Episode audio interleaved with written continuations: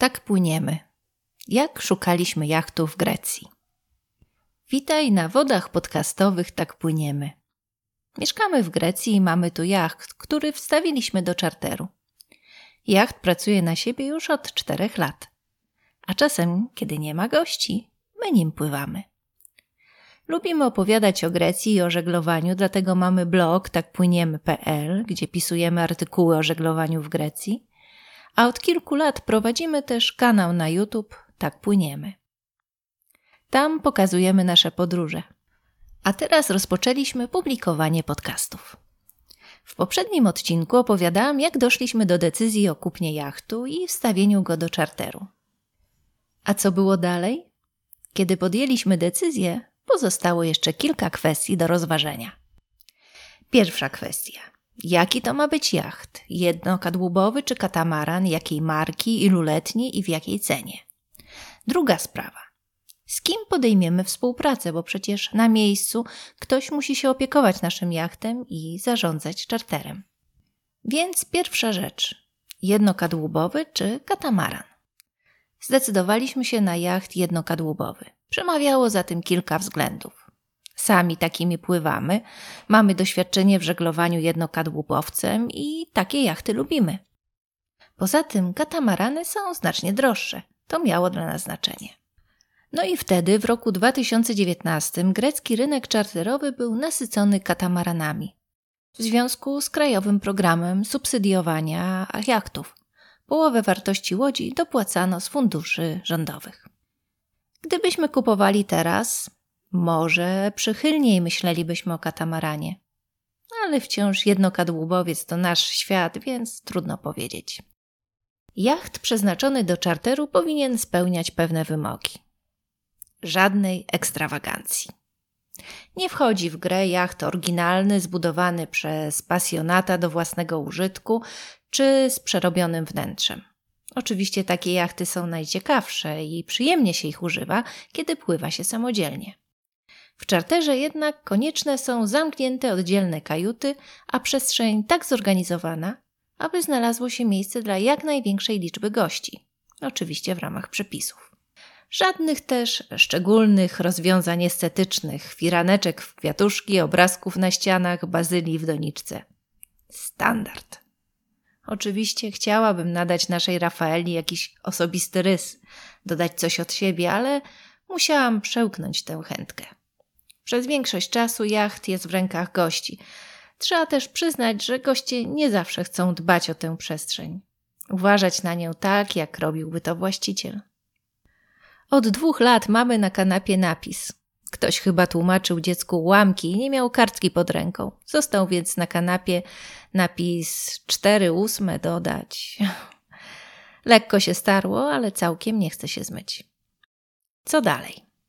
Część jachtów ma trzy, a część cztery kajuty przy podobnej długości, powyżej 40 stóp. Jacht z czterema kajutami łatwiej wynająć, a cena wynajmu jest wyższa, więc to bardziej opłacalne rozwiązanie. Warto zwrócić na to uwagę. Wiek. Jacht w czarterze powinien być stosunkowo nowy. Im nowszy, tym łatwiej go wynająć i można oczekiwać wyższych cen. Ale cena zakupu też jest większa, więc Trzeba wypośrodkować, wybrać najlepsze rozwiązanie.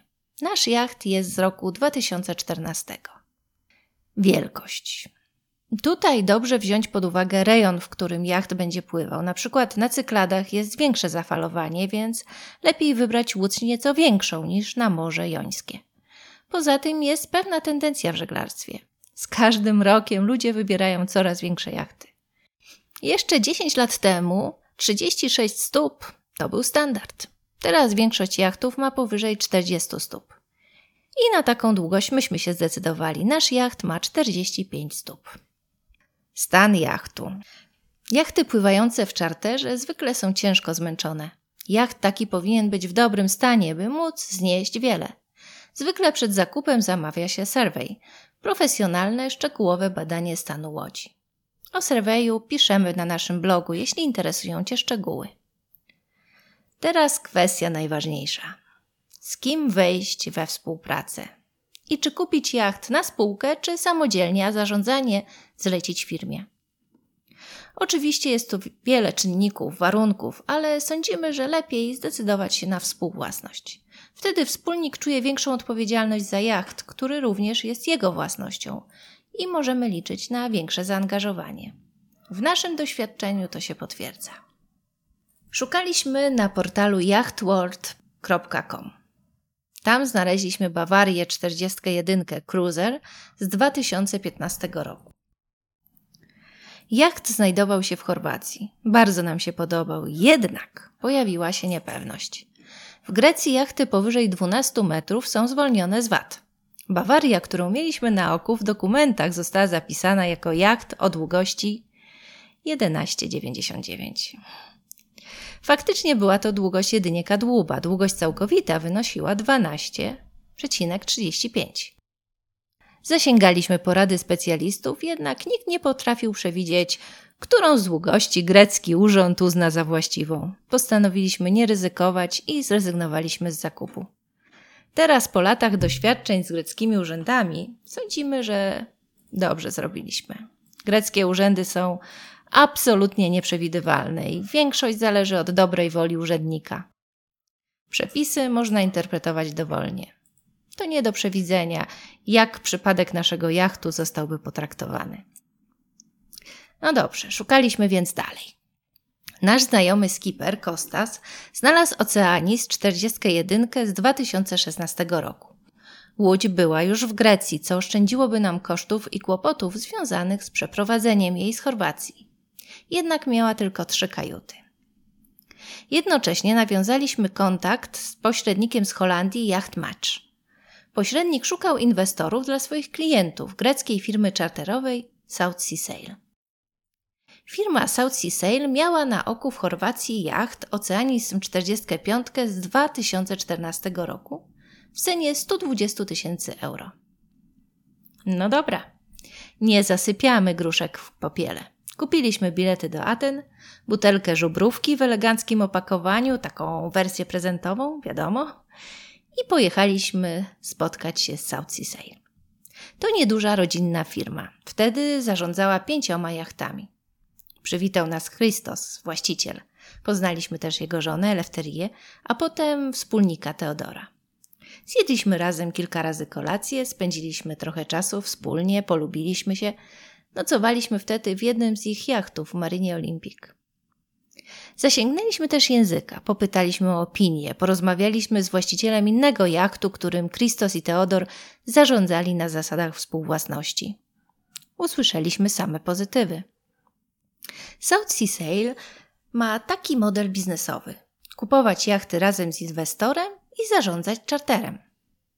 Inwestor otrzymuje raz w roku dywidendę. Sea Sail to wtedy był Christos i wspólnik Theo. Potem ich drogi się rozeszły, teraz współpracujemy tylko z Christosem.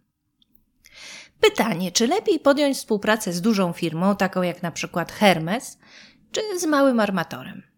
Duży armator to zapewne większe bezpieczeństwo, ale też mniejsza elastyczność. Podpisujesz umowę, zasady są ustalone, nie ma możliwości rozmowy bardziej prywatnej. Mała firma to kontakt osobisty i większe możliwości wpływu na sytuację. Oba rozwiązania mają wady i zalety i swoje zagrożenia. Podjęliśmy decyzję. Tak, wchodzimy w to. Nawiązujemy współpracę z Kristosem. Teraz, po czterech latach, uważamy, że to była dobra decyzja. Oczywiście współpraca wymagała od obu stron kompromisów i wzajemnego zrozumienia. Na przykład w roku pandemii nie było żadnych przychodów. Mimo, że byliśmy umówieni na dywidendę, zrezygnowaliśmy z niej. Rozumieliśmy, że sytuacja jest szczególna.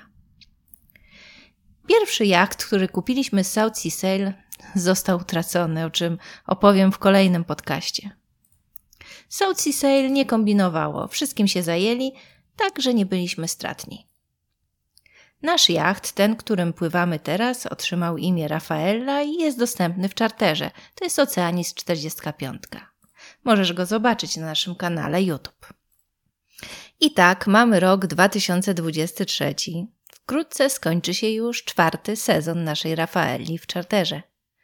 Pływaliśmy więcej niż moglibyśmy pływać, płacąc za czarter. Na pewno w tym czasie były różnego rodzaju trudności, ale koniec końców jesteśmy zadowoleni i nadal współpracujemy z Krystosem z South Sea Sail. A Rafaela to fajna dziewczyna i wszystko dobrze się układa. Koniecznie posłuchaj, jak to było z tą utratą jachtu.